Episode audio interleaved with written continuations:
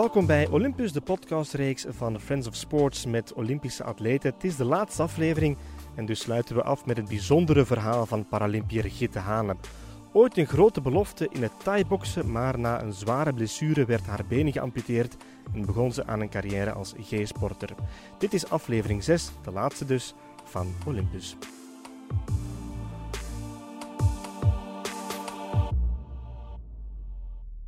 Dag Gitte. Hey, dag Jury. Hoe gaat het? Goed, ja. Goed. Je zegt Sava, want je hebt eigenlijk nog maar net een operatie achter de rug. Ja, ja, vorige week. ja, ja, ik heb vorige week eh, een operatie aan mijn rug ook gehad. eh, naar aanleiding van een hernia die dat eigenlijk niet te genezen was met allerlei andere behandelingen. Ehm, dus die operatie was wel noodzakelijk. Eh, komt op een slecht gelegen moment. Ja. Maar de operatie is goed gegaan. En allee, ik ben wel hoopvol dat ik eh, na de revalidatie terug ga kunnen trainen. En eh, ja, dat alles wel terug in orde komt. En brengt het de Spelen in gevaar? Een klein beetje, zeg je. Ja, naar aanleiding van de selectie te halen gaat dat wel moeilijk zijn. Ehm, omdat, ja, zo'n operatie is niet niks natuurlijk. En er zijn ook eh, andere atleten die richting de Spelen aan het trainen zijn. ehm, die ook kans maken. Dus het is een beetje afwachten wat dat selectiecomité gaat beslissen. Ehm, Maar en- jij zelf bent zelfzeker, jij denkt wel dat het, eh, dat het kan. Ja, ik, ik, ik, ik ben er zelf wel eh, hoopvol in. Ehm, ik heb de sterkte eigenlijk dat ik, dat ik op korte tijd vrij snel terug in shape kan geraken. En ehm, ik denk dat ja, als ik de selectie haal, dat mijn motivatie ook wel eh, groot genoeg gaat zijn. En dat dat mij ook wel gaat sterken in, in mijn trainingen en, en in de resultaten die daaruit moeten volgen. Hoeveel operaties heb jij al moeten ondergaan in je leven? Eh, ja, dat zal er een tiental zijn, denk ik. Hoe Ja. zwaar is dat? Want dat is iedere keer toch opnieuw een klein beetje jezelf opladen, denk ik, als je toch onder het mis moet. Ja, ja. ehm, het is ook een beetje afhankelijk van welke operaties. Hè. Want ja, mijn eerste operatie was als ik 15 jaar was. Dan heb ik een fietsaccident gehad. Eh, dan was ik verlamd langs één kant in mijn gezicht. Eh, ik heb daardoor ook een gehoorsverlies aan mijn rechterkant van, van 70% Eh, en ik ben toen geopereerd aan mijn evenwichtsorgaan en mijn gehoorsgang. Eh, en dat is ook wel in orde gekomen buiten dan dat gehoorsverlies. Eh, maar ja, de operaties die dat dan uiteindelijk naar mijn amputatie hebben geleid, ja, dat is natuurlijk wel zwaarder. In het begin heb je wel hoop bij elke operatie van nu komt het in orde, totdat je eigenlijk eh, aan operatie ja, niet meer zoveel ziet. En, eh, en ja, dat je eigenlijk gewoon ook voelt dat het niet meer in orde komt.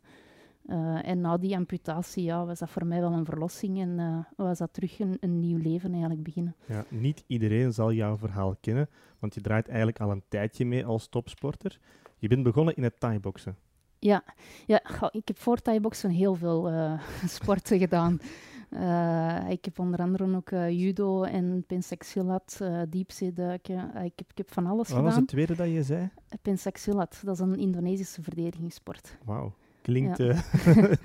boeiend. Ja, ja, goh, ja ik heb, ben altijd wel zo ja, eh, wel aangetrokken geweest tot verdedigingssporten. eh. En hoe is dat anders dan de andere gevechtssporten die we zouden kennen? het is, het, is, het is zowel mentaal als, als fysiek dat je echt diep gaat. En, en ja, dat, dat, dat trekt mij wel aan. Zo, je kunt echt zo op het einde van een training echt kapot zijn en vijf minuten later terug energie hebben. En Is zoiets het te van... vergelijken met taekwondo of dergelijke, of iets anders Eh, dat we zouden kennen? Pensaxilat is ook met katas lopen en dergelijke. Ehm, en dat trok mij minder aan. Ik, ik vond de opwarming eigenlijk het leukste, omdat dat dan ook met trapkussens en, en, en dergelijke was. Ehm, en soms hadden we ook wel katas dat we aanleerden met wapens. Eh, Katas, dat zijn een soort van oefeningen. Ja, dat zijn oefeningen, ja. Ja. ja. ja. eh, maar ja, uiteindelijk, ja, thai-boksen en, of boksen heeft mij altijd wel zo gefascineerd. En ik heb dat wel vroeger ook willen doen, maar dat mocht ik niet van thuis. Dus ik ben daar eigenlijk maar mee begonnen als ik, eh, als ik alleen woonde. En dan... eh, Dan was je al volwassen. Eh, ik woonde op mijn 17 al alleen. Ja, of bijna volwassen, ja. Ja, ja, dus ja, ik zat in, het- in het zesde middelbaar als ik alleen woonde. En dan rond mijn 18 ben ik dan eh, met het thai-boksen begonnen. En na mijn eerste training was ik echt volledig verkocht. Ja, want je was eigenlijk wel een beloftevolle thai-bokster. Je ambitie was om wereldkampioen eh, te worden. Ja, ja, dat was inderdaad mijn ambitie. Ehm, ik heb een aantal EK's ook meegedaan en 2K in Bangkok in Thailand. Ehm, wel altijd medailles gehaald. Ehm, en in mijn klasse, ik ben tot de B-klasse, dat is semi-prof geraakt. Um, ja, had ik eigenlijk al mijn wedstrijden gewonnen. Uh, en ik ging doorgroeien naar de A-klasse en dan ja, een ongelukkige trap op training die dat dan uiteindelijk uh, ervoor zorgde dat ik niet meer uh, verder ben kunnen gaan in het thai-boksen. Ja, want wat is daar precies dan gebeurd? Um, ja, dat was eigenlijk gewoon ja, een misplaatste trap. Ik kan het niet anders zeggen. Het was zo technische sparring en gewoon wat tikken. En, ja, en, en uh, de trap op mijn knie had terwijl mijn been gestrekt stond. Um, en ja, dan omgevallen. En ja, het eerste moment dacht ik van oei, uh, dat voelt niet goed. Maar dan terug recht gestaan en dan uh, ja, met mijn gewicht op mijn achterste been, dus op mijn rechterbeen. En vanaf dat ik terug naar voren stapte op mijn linkerbeen, viel ik terug om. En dan was het zo wel een enorme paniek. Want dan dacht ik van, uh, ja, deze is totaal niet goed. Uh, en dan achteraf bleek dan dat mijn voorste kruisband volledig was afgescheurd. En dat leidde dan ook ja, tot een operatie. En normaal is dat een routineoperatie.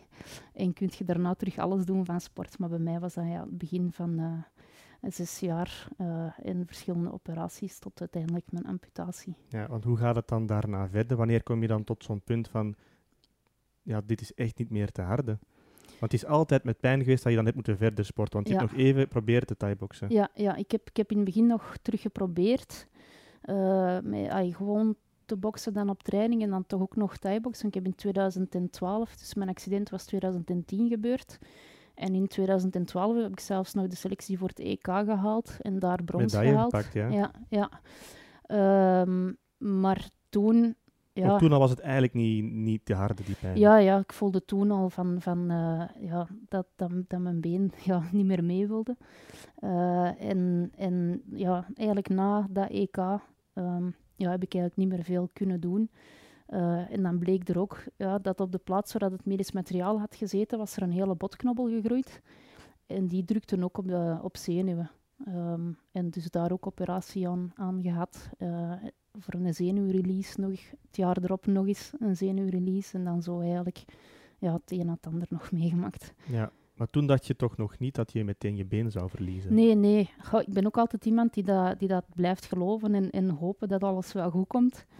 En, en ook toen was dat van, oké, okay, ja, die zenuw wordt afgekneld, ze maken dat vrij en dat komt wel terug in orde. Iedere keer een beetje hoop om het... Ja, uh, ja. ja, ja. maar dan uiteindelijk, ja, ik denk 2014 kon ik ook niet meer stappen. En was ik al bij de zoveelste arts geweest. Uh, ook bij een arts die zei van, oh ja, er is niks meer aan te doen, leert er mijn leven. Wandelt een keer naar Lourdes of Compostela en biedt op een mirakel, terwijl ik dan eigenlijk al niet meer kon gaan. Heeft hij dat echt gezegd? Ja, die heeft dat echt gezegd. En ik kreeg ook zo opmerkingen van andere artsen van, je moet uit je luie zetel komen, terwijl ik nog fulltime in het onderwijs stond als sportleerkracht. Ook met de fiets nog naar het werk ging, omdat ze zeiden, fietsen is goed voor je knie. Uh, maar dan soms in het, in naar huis rijden, dat ik moest bellen naar huis van kom mij halen, want ik raak niet thuis. Wow, dat is wel, Ja. dat is wel heel straf Ja, eigenlijk. dus als je dan te horen krijgt van kom uit je luie zetel, terwijl dat je eigenlijk Vergaat blijft zoeken naar oplossingen en, en ja, eigenlijk alles probeert te blijven doen, maar ja, ondanks de pijn en dergelijke en eh, niet meer voort kunt, ja, dan, dan is dat echt wel eh, erg als je zo wordt ingeschat eigenlijk door, door, door dokters. Eh, Ja, want je komt eigenlijk uit een topsportomgeving. hè. Ja. Je, je, je hebt een gevechtsport gedaan, thaibox Ja. en het andere wat je zei, kan er niet ja, op ja, komen. pensaxilats en, en Ja. judo en alles. Ja. ja. Je weet dan wel wat pijn is. Dat kan je wel Ja, inschatten. ja, tuurlijk, ja. Ja, Je kan ja. wel inschatten, dit gaat veel verder dan, dan wat normaal is. ja, ja. ja. Goh, ja ik ben, ben ook, allee, ook door mijn, mijn sportopleiding, ben ik ook wel iemand die dat veel voelt, lichamelijk dan. Eh, en ook analyseert, eh, ook op training bij dingen die goed gaan, die, die niet goed gaan. Eh, en, en ja, ik ben ook wel iemand die, die vaak tijdens thaiboxen dan voorbij de pijn voort heeft gedaan. Maar ja, als je op een duur niet meer kunt, kunt gaan en je gaat wel werken en je komt s'avonds thuis en je gaat thuis met je krukken rond en in de weekends met krukken en een rolstoel om je te sparen voor dan op maandag terug te kunnen gaan werken, ja, dat, dat doe je niet voor Nee. plezier. En op een gegeven moment heb jij dan gezegd, het is genoeg, ik wil er vanaf, van dat been. Ja, ja ik zei in 2014 al van hak het af, Eh, het gaat niet meer. Eh, maar dan wouden ze toch nog van alles proberen om, om ja, dat been toch te redden. Ehm, dat waren ook geen, geen aangename therapieën. En dan uiteindelijk 2016 ben ik dan bij een arts terechtgekomen Uh, die dat zei van, zie, ik ga heel mijn dossier bekijken, had mijn been ook onderzocht. Drie weken later moest ik daar terug zijn. Um, en de arts zei ook van, ik heb um, heel mijn dossier bekeken. Uh, hij had ook zo tegen zijn secretaresse gezegd, als ik doorging van deze bundel, s morgens als ik toekom, eerste werk moet ik deze een half uur inlezen. En dat gaf zo wel vertrouwen. Zo. Echt zo'n ja. arts die dat zo tegen zijn secretaresse zei van, je moet mij eraan herinneren, elke morgen doe ik een stuk van die dossier. Uh, en dat was ook allee, dan drie weken later daar teruggekomen en hij zei van eigenlijk als ik uw been zag, wist ik al van dat uw vraag van amputatie, dat dat ook de enige oplossing nog gaat zijn, dat je nog wel een comfortabel leven gaat hebben. Dus, uh, dus was ik ook wel blij dat... Allee, opgelucht. Ja, en opgelucht, ja. En, en langs de andere kant geeft dat ook enorm veel schrik, hè, want ja, zeven weken later weet je van mijn been gaat eraf, je kent je leven met dat slecht been, maar je kent je leven niet zonder. En je weet, ja, zo'n operatie ja, je slaghouders en dergelijke, die, die liggen daar. En alleen met dat ik al zo wel met operaties ja, wat mismeesterd was geweest, dat ik zoiets van, ja, het kan nog altijd mislopen. Of je kunt niet wakker worden natuurlijk. Hè. Um, dat lijkt me wel een heel zwaar besef. Ja, ja, maar ik had, ik had voor mezelf zoiets van, ik probeer me positief in te stellen. En uh, eigenlijk was ik gewoon aan het focussen op, dat been gaat eraf, die pijn is weg. Omdat ze hadden mij ook gewaarschuwd voor fantoompijn. Uh, en dat dat misschien nog erger kon zijn dan de pijn dat ik al had. Uh, dat was ook een reden waarom dat ze het niet direct wilden doen. Uh, maar nu, die, die fantoompijn, dat is, ja, in mijn ogen is dat, is dat iets van niks tegenover waar dat komt. Waarmee dat ik niet wil zeggen dat dat voor iedereen zo is. Want als je je been verliest um, door een autoaccident of van de ene dag op de andere en je hebt daarvoor die pijn niet gehad, dat ik heb gehad, dan kan ik mij wel inbeelden dat, dat die fantoompijn ook wel extreem kan zijn voor, voor mensen. Ja. Het is moeilijk te vergelijken natuurlijk. Ja, ja dat, is, dat is voor iedereen anders. Hè. En ik denk doordat ik ook sport, uh, dat mijn brein ook gewoon veel getriggerd wordt. Uh, omdat ik gewoon stap en omdat ik ook gewoon loop dan met mijn loopprothese.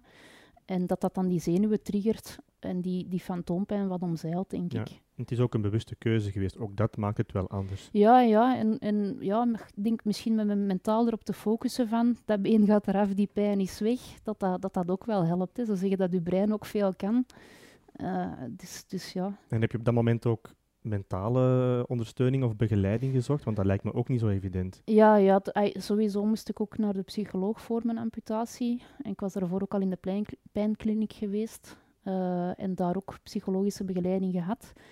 En dan in de validatie was er ook een psycholoog waar dat we ja. dan ook uh, vaak naartoe moesten gaan. Dus en wat heeft je daarbij gebracht? Die psychologische begeleiding? Ja. Goh, goh, ik, ik, denk dat dat vooral ook veel vanuit mezelf kwam. Hm. Uh, omdat, ja, ik zeg het, na mijn operatie was dat precies of ik 200 kilo minder woog. Terwijl ik nooit zoveel gewogen heb. Hè. Maar...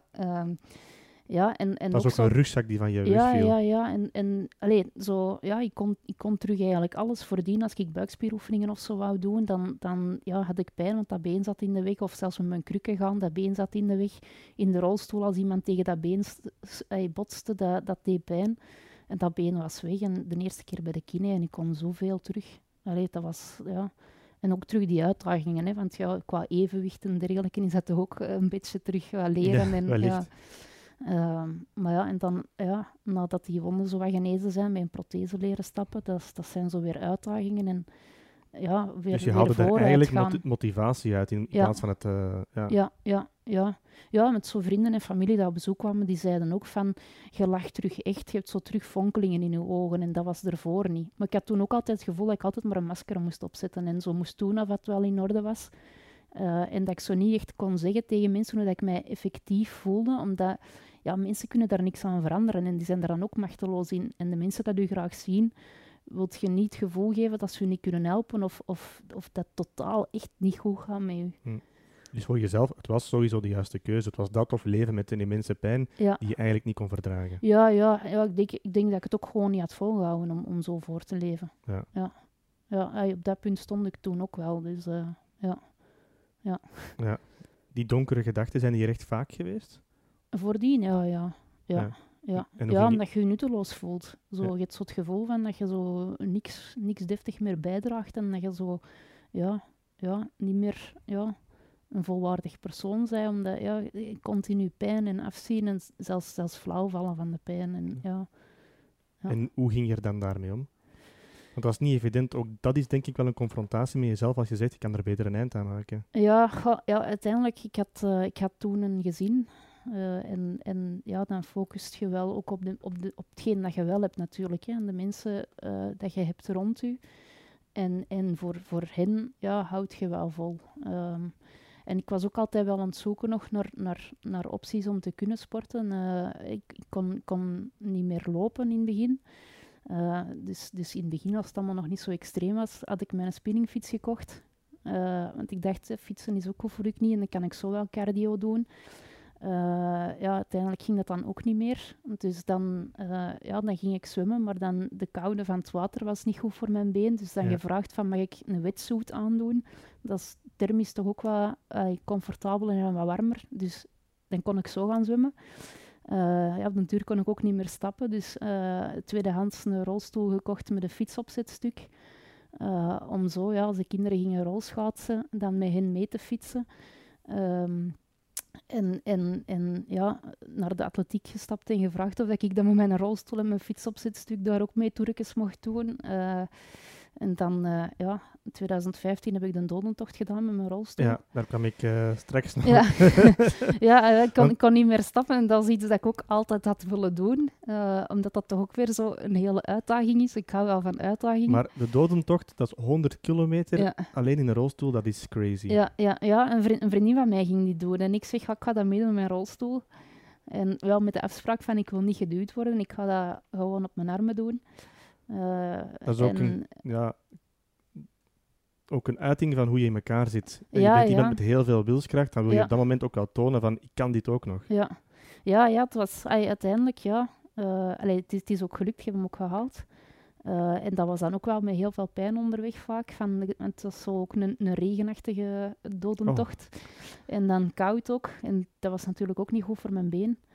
ik heb één keer de dodentocht meegedaan ook koud en nat. En ik ben niet eens aan 50 kilometer geraakt. Dus 100 kilometer, chapeau, daar doe ik echt mijn hoed voor af. Ja, ja uiteindelijk, allee, het, is, het is motiverend ook om andere mensen te zien. Hè, want allee, uh, ja, soms worden zo wel opmerkingen achter u van ik wou dat ik ook kon zitten. Oh. dus en dan denk je, oh ja, het is uiteindelijk dat gewicht van die rolstoel. En, en allee, ook mensen die vroegen, mogen die een gemakkelijkere weg doen? Ik zeg, ja, niks. Ik ga ook mee door de boerenvelden en tussen de maïsvelden. En, en, dus ik doe exact hetzelfde. En als het bergaf is... zulke opmerkingen, dat moeten toch ook kwetsen? ja, uiteindelijk zijn die mensen op die moment ook moe. Hè, en dat, dat snapte wel. Hè. Maar zo gelijk bergaf, ja, voor mij is dat gemakkelijker omdat ik dan zit, maar uiteindelijk ook niet, want je zit met 12.000 man. En je hebt volk voor u, volk achter u. En als ik mij gewoon laat bollen, dan, dan is dat zo gelijk een bowlingspel eigenlijk. Hè. Dus dat ging niet. Dus ik moest continu afremmen. afremmen maar dan ook met, met zand tussen mijn handschoenen en nat. En, ja, dus Vermoeidheid, dat was, ja, blaren ook. Ja. Ja. Maar ja, het was, het was een, een, een leuke uitdaging. En achteraf heb ik zo van mensen ook wel berichtjes gekregen dat mij hadden opgezocht met de melding van ja, merci om me nog te motiveren, want ik was ah, echt dood. En die laatste 10 kilometer had ik niet gedaan als jij me niet had opgepipt. En ah, dat is ook wel fijn. dat zijn dan wel de ervaringen die je ook ja, onthoudt natuurlijk, hè, na zo'n uh, zo'n zware dodentocht. Ja, ja, ja, ja, want uiteindelijk, ja, gemotiveerd elkaar. Hè, en, en, en ja, dus dat is, ja, dat is, dat is echt tof om te doen. En heb je dan daar de moed uitgeput om dan te zeggen, ik wil terug topsport uh, doen? Uh, of hoe is dat moment gekomen? Wanneer heb je beslist, nu wil ik terug? Ik, had, ik was toen ook aan het kijken voor, uh, voor een handbike, omdat ik dacht van, ik kan gewoon handbiken. En ik had dan ook handbike-wedstrijden ook meegedaan. maar dan uiteindelijk was mijn been zo slecht dat, dat ik er, en, en dat ik zelf ook qua medicatie en dergelijke, en je ziet onder morfine en zo, dat dat gewoon niet meer gaat. Dus, dus heb ik daar niet voort in kunnen gaan. Um, maar was, dat is eigenlijk voor mij, ik denk vanaf dat ik, dat ik geamputeerd werd, dat ik, dat ik zoiets had van, van ik wil terug iets in de sport uh, gaan doen. Ook omdat ik ja, het doel dat ik ervoor had niet had kunnen afmaken. En, en ik wou dat toch nog op een andere manier toch proberen te, te bereiken. En, en dat doel was dan de top bereiken? Ja, ja, ja, ja, ja, dat was, ja. En hoe is, dan, hoe, hoe is dat dan gegroeid? Uh, ik zat in de revalidatie. En uh, ja, de kinesist die, grapte altijd wel ook zo van... Want ja, die werd heel hard getriggerd om moeilijkere oefeningen te geven aan mij. omdat, ik, omdat het vlotter ging dan bij, bij andere mensen met dezelfde amputatie. Uh, en, en ja, ik zei toen tegen hem van, ga ik, wil, ik proberen een triathlon te doen. En dan kreeg ik de vraag van, ga je dat al ooit gedaan? Ik zeg, nee, ik heb dat nog nooit gedaan. maar ja, dat was ook zo weer een uitdaging. Uh, ik had ook nog nooit op een koersfiets gezeten. En uh, ja, de kinesist zei, ja, echt, je moet toch beseffen, de meeste die dat meemaken als u, die beginnen pas drie jaar na hun amputatie terug met sporten. En ik had zoiets van, ik ben er al dertig. Ik heb geen drie jaar niet meer. Ik ben al zes jaar kwijt. Uh, allee, zes jaar dat je eigenlijk top kunt... Allee, de topjaren op sportgebied. Dus ik had zoiets van, ik heb geen tijd niet meer. Uh, het is nu of nooit. Ja, ja. En twee weken na mijn revalidatie was ik... Uh, toen ik twee weken uit de revalidatie was, was ik een blade aan het testen. En uh, was ik voor het eerst ja, aan het leren lopen. En een jaar na mijn amputatie heb ik twee triathlons gedaan. Eén achtste.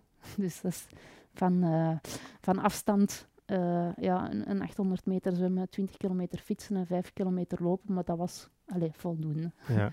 En wat is dan de volgende stap naar topsport? Want je, je, je bent hier dan gaan specialiseren in het, uh, in het lopen en in het verspringen. Ja, ja dus ik was eigenlijk uh, dan, dan uit de revalidatie. Ik was aan het leren lopen met een blade. Um, en ik was dan terug naar de atletiekclub gegaan, waar ik dus voordien met mijn rolstoel had meegedaan. Met de vraag van, ja, kan ik, kan ik uh, hier ook bij jullie uh, komen trainen in verband met lopen? En uh, Marijke van Akker, is een atlete met een onderbeenamputatie, die trainde daar ook. dus dat was eigenlijk wel fijn. Ay, onze amputaties zijn nog wel verschillend, omdat zij nog wel twee knieën heeft. Maar dat is ook wel fijn om zo een beetje in het wereldje terecht te komen. En zij trainde ook soms in Eindhoven. En uh, ja, dan nam ze mij soms mee naar Eindhoven om, om, mm om daar ook uh, mee te trainen. Um, en dan was er een Blade trainingsdag. Ehm, dus mijn eigen had dat dan gezegd van ja, Gitte, ga er mee.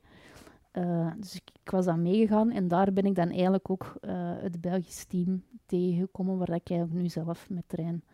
Uh, en de coach van, van de federatie, die had mij toen ook aangesproken en ze zei van, zie, als je wilt, mocht je op woensdag met ons meekomen trainen. Het toch anders is om ja, uh, met atleten met, met ook een, een amputatie en een beperking samen te trainen, dan, dan als je altijd met valide atleten traint. En dus op woensdag ging ik van Capelle met, met de trein naar Gent om daar met het team mee te trainen. En zo is dat dan eigenlijk een beetje gegroeid. Um, in het begin deed ik ook nog geen verspringen, omdat ik eigenlijk, ja, ik was aan het lopen. Ik deed de 100, de 200, de 400, maar daarnaast was ik thuis ook aan het trainen voor die triathlon te doen op mezelf. Uh, um, voor, voor de uitdaging. Uh, en dan ja, uh, stond ik eigenlijk een jaar na mijn amputatie op 2K atletiek. En daar werd ik vierde op de 100 meter. Totaal onverwacht. ik stond aan de start met de traagst persoonlijke besttijd. En uh, ja, zo uit de startblok vertrekken en zo, dat, dat kon ik eigenlijk nog totaal niet.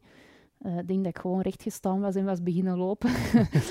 dus, en ik was dan echt ook effectief laatst uit de startblok. En ik dacht, oh nee, ik ga hier laatst zijn. En zo in mijn hoofd was dat van, nee, nee, dat gaat niet gebeuren. En dan heb ik toch zo nog een inhaalrace gedaan. En dan ja, net vierde, vijfhonderdste van, van de nummer drie. Uh, en ja, dat is zo net niet podium, dus iedereen heeft zoiets van, oh, dat is wel saai en voelde. En voor mij was dat gewoon bangelijk. Ik had zoiets van, een ja. gewoon vier. Dus terwijl dat voor anderen zou dat rampscenario zijn, terwijl dat voor mij was dat, oh ja, ja, dat was zot. maar intussen zijn die prestaties er wel gekomen. Hè? Zilver in het verspringen, brons op de 100 meter sprint, zowel op EK als WK. Ja, ja. Hoe hoog zat je die prestaties voor jezelf in? Goh ja, um, allee, met dan na het WK in 2017 um, werd er wel zo gezegd van ja, keuze te maken tussen triathlon of atletiek. En omdat ik dus vierde was geworden en eigenlijk nog wou weten waar dat ik verder kon geraken, had ik voor atletiek gekozen. En dan januari 2018 met verspringen ook begonnen. Uh, en, en ja, dus dat was, dat was wel... Allee, ja, dat was wel machtig als ik dan op TK 2018 uh, ja, acht maanden later, dat ik daar zilver haalde in, in het verspringen. Dat was, dat was, dat was wel ja, zot, eigenlijk. Ja. ja. Je gaat voor ons land naar de Paralympische Spelen. Dat is dan echt wel de kroon op het werk. Ja, ja het, is, het is nog afwachten uh, in verband met de selectie te halen.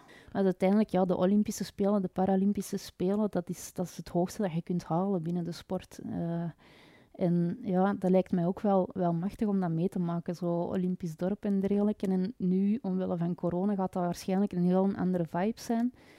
Uh, maar met de Spelen in, in Rio 2016 zat ik zelf in de revalidatie. Um, en ja, het is eigenlijk zot als ik zo daar nu naar terugkijk, dat dat nu de volgende Spelen zijn en dat ik wel kans maak om, om daaraan deel te nemen. Ja. Wat voor een gevoel zou het zijn om daar te staan? Ja, dat zou, dat zou een hele eer zijn. En dat zou voor mij zo um, allee, betekenen dat, dat het mij wel, wel gelukt is, ondanks alle tegenslagen die ik al op mijn pad heb gehad. En het zijn er wel, uh, wel al wat... Allee, ja, zijn er genoeg geweest? Het zijn er genoeg geweest, ja. Um, en het is, ja, als je zo tegenslagen meemaakt, dan is het, is soms wel moeilijk om te blijven doorzetten en, en te blijven hopen en te blijven geloven van het komt wel goed. Uh, en allee, dat is bij mij ook met ups en downs, maar ik probeer altijd wel zo geen hoop te verliezen en, en op de positieve dingen te blijven focussen. Dus moest ik daar kunnen staan en een mooie prestatie neerzetten, dan, dan gaat dat mij ook wel rust brengen. En, en ja, het gaat, het gaat een keer ook zo ook wel uh, een, een positief gevoel zijn dat er, dat er aan een grote wedstrijd gekoppeld is. Omdat de vorige grote wedstrijden zo'n beetje oversteld waren met op persoonlijk vlak dan uh, moeilijke zaken dat ik moest verwerken. Ja. Uh, onder andere 2K 2019. Uh, mijn vader is daarvoor overleden in het buitenland. En ja, zijn lichaam was maar pas terug in België twee dagen voordat ik moest vertrekken naar 2K. En ja, ik had nog heel die begrafenis en dergelijke te regelen. Uh, dus, dus de begrafenis was dan ook maar pas na uh, het WK um, ehm, ge gebeurd. Ja. Maar ja, het is, het is wel moeilijk dan om op zo'n momenten ook nog, nog wel met topsport uh, bezig met te zijn. topsport bezig te zijn. Ja. ja. ja. Dus die spelen voor jou, dat wordt ook wel iets heel emotioneel, vermoed ik. Ja, ja dat gaat dat ga, ja, wel enorm emotioneel zijn. Omdat ja. dat zo alles van de afgelopen jaren ook wel zo, ja, uh, ja afgerond gaat hebben. Ja, dat is mijn vraag. Ja. Is het een soort manier ook voor jezelf in je hoofd om te zeggen, ja, als ik die speel heb gehad, dan is een deel van mijn verhaal afgesloten. Ja, ja. Dan kan een volgend hoofdstuk ja. stilaan beginnen. Ja, ik denk het wel. En zo, zo ja ik weet dat ik al, al wel wat prestaties heb neergezet. Uh, maar ja, ik ben toch nog niet geraakt allee, op het hoogste wat dat je kunt presteren. Uh, en, en ik heb zo wel, wel vaak zo het gevoel van falen gehad. Maar als ik daar zo, ja, uh, ik kan geraken en, en, en een mooie prestatie kan neerzetten, dat, dat gaat ja. ja zo'n beetje een last van mijn schouders ook zijn. Ik heb eens ergens gelezen, een quote van jou een medaille in Tokio zou betekenen dat ik niet gefaald heb in deze sport. Ja. Dat is wel heel streng, hè? Ja, dat is, ja ik weet het. Uh, ja, maar het is, het, is, ja, het, is, het is zo altijd wel een struggle geweest. En zo altijd wel het gevoel zo van, het mag precies niet zijn. Zo, met alles wat ik al heb meegemaakt. Terwijl ik het zo graag wil. Ja. en terwijl ik er zoveel voor doe. Uh, dus, dus ja, het zou... Het zou uh... je, je legt die lat bewust zo hoog. Ja, ja, ja.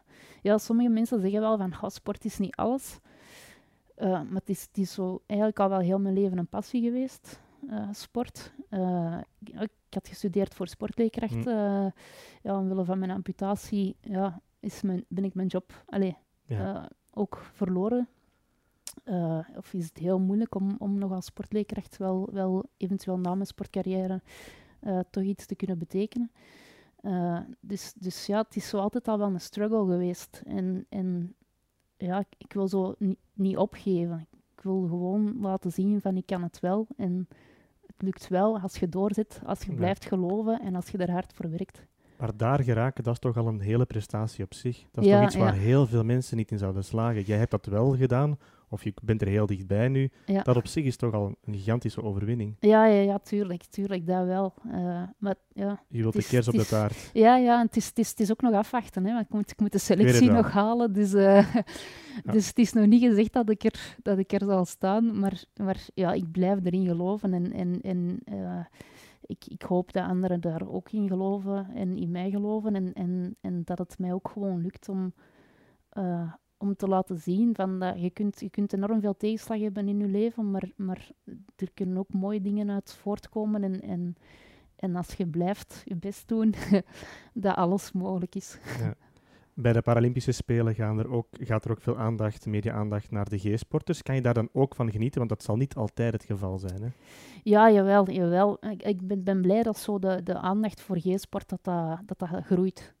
Um, toen, toen dat ik zelf valide atleet was, dan stond ik er eigenlijk totaal niet bij stil hoe dat, dat is voor mensen met een beperking om, om, uh, om aan sport of topsport te doen. En ook de struggles daarin. Want ja, um, ik heb geluk gehad dat er uh, een VZ2, VZ2 de Pocox, dat hm. zij mijn eerste blade hebben gesponsord en dat mijn protheseteam met orthopedie, dat die dan gratis een sportkoker hebben gemaakt, zodat ik wel kon starten met sporten.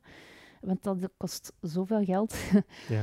en je hebt daar ook geen recht op. Uh, maar ja, als je zoiets meemaakt in je leven en, en je wilt graag sporten, ja, dan, en het financiële houdt je daar ook in tegen. Dat, dat, is, dat is eigenlijk heel erg. Um, dus, dus... En vind je dat dan niet lastig om iedere keer dat verhaal te moeten vertellen?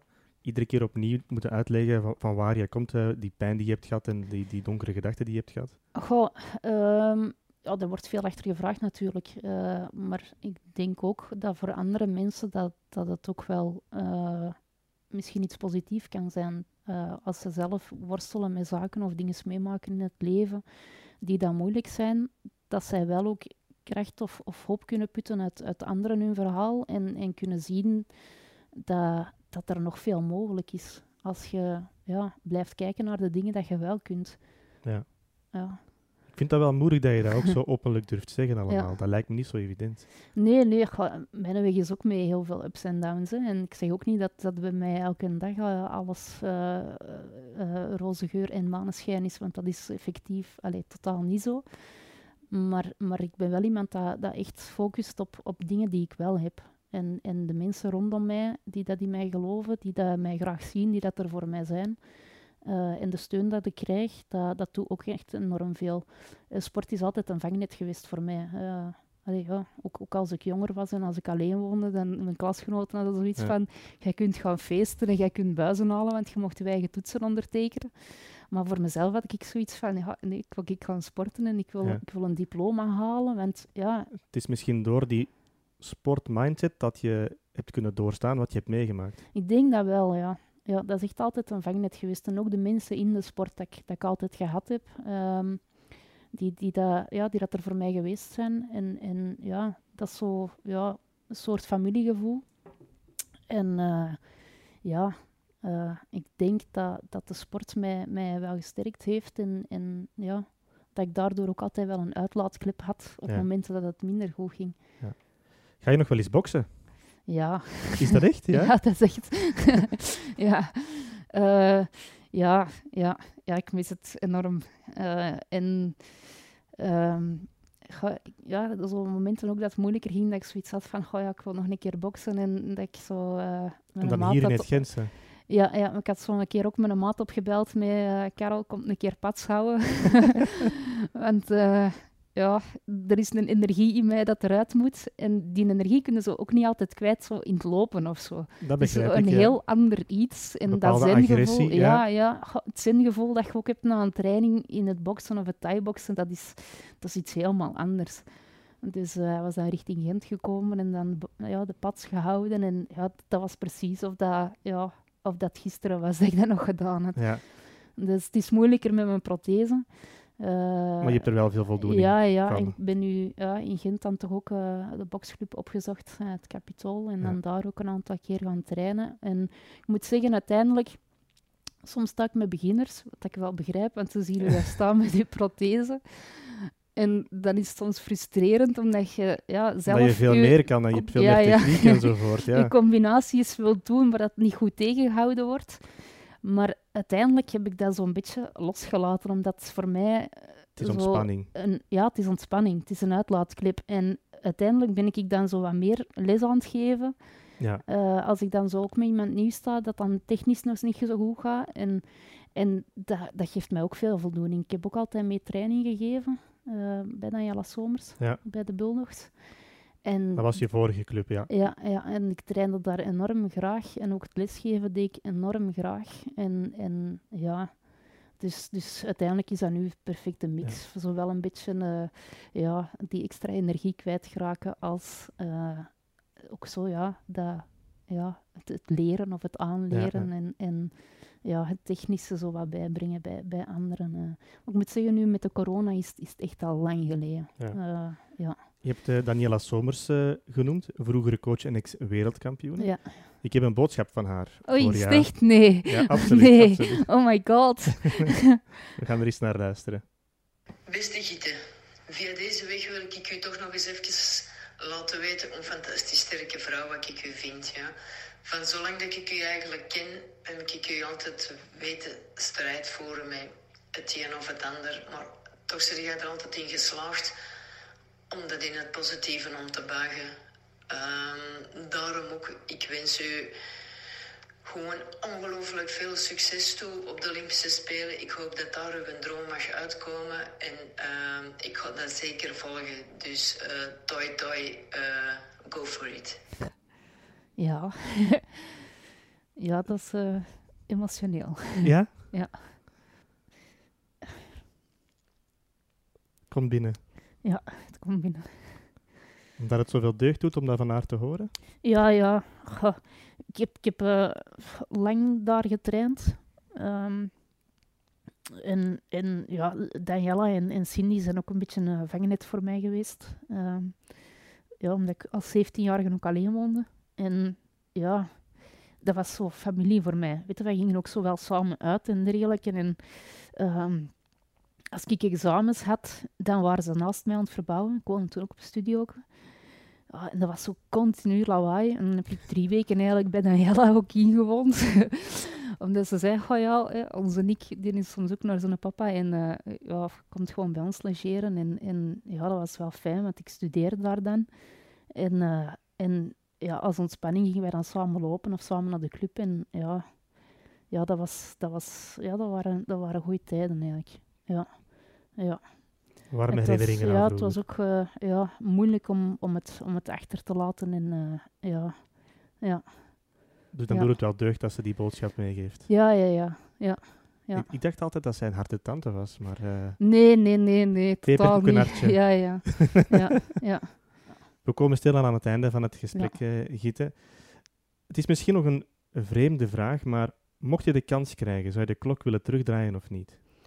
Ik heb die vraag nog wel eens gehad. Ah, ja. Want ja, de, de sport heeft je ook veel gegeven natuurlijk. Ja, dat is ook... dubbel. Hè. Uh, het, is, het is dubbel, want uiteindelijk, ik zeg het, voor mijn amputatie wist ik ook niet dat dat was voor mensen met een beperking. En de wereld waar ik eigenlijk nu in terecht gekomen ben, ja, dat, dat is eigenlijk zo'n fantastische wereld met, met de mensen daarin. Uh, en hey, ook de kansen dat ik al, al gekregen heb. Um, maar ik sta, ik sta zelf nog vaak met open mond te kijken naar prestaties van anderen en wat dat zij met hun beperking realiseren. Um, en ja, het is, het is iets uniek. Uh, en ik denk, oh ja, ik ben, uiteindelijk ben ik blij dat ik, deze heb, uh, mogen meemaken en mag meemaken. En ja, ja, die amputatie die is er. Uh, ja, soms wilde wel eens de klok terugdraaien. Um, maar ik denk dat ik dan, dan ja, een grote wereld gemist zou hebben. Moest ik het ja, niet, niet hebben meegemaakt. Ja. ja. Ik ga je bedanken nog voor, uh, voor dit gesprek. Ik vond het een, uh, een heel openhartig gesprek, een heel moedig gesprek. Dank je. Um, en ik wens je oprecht, en ik denk iedereen die meeluistert, uh, het beste toe voor, uh, voor Tokio. We hopen echt dat je, dat je kan gaan. Ja, ik hoop het ook. Ik hoop het echt ook. Ja. Dank je wel alvast. Ja, jij ook.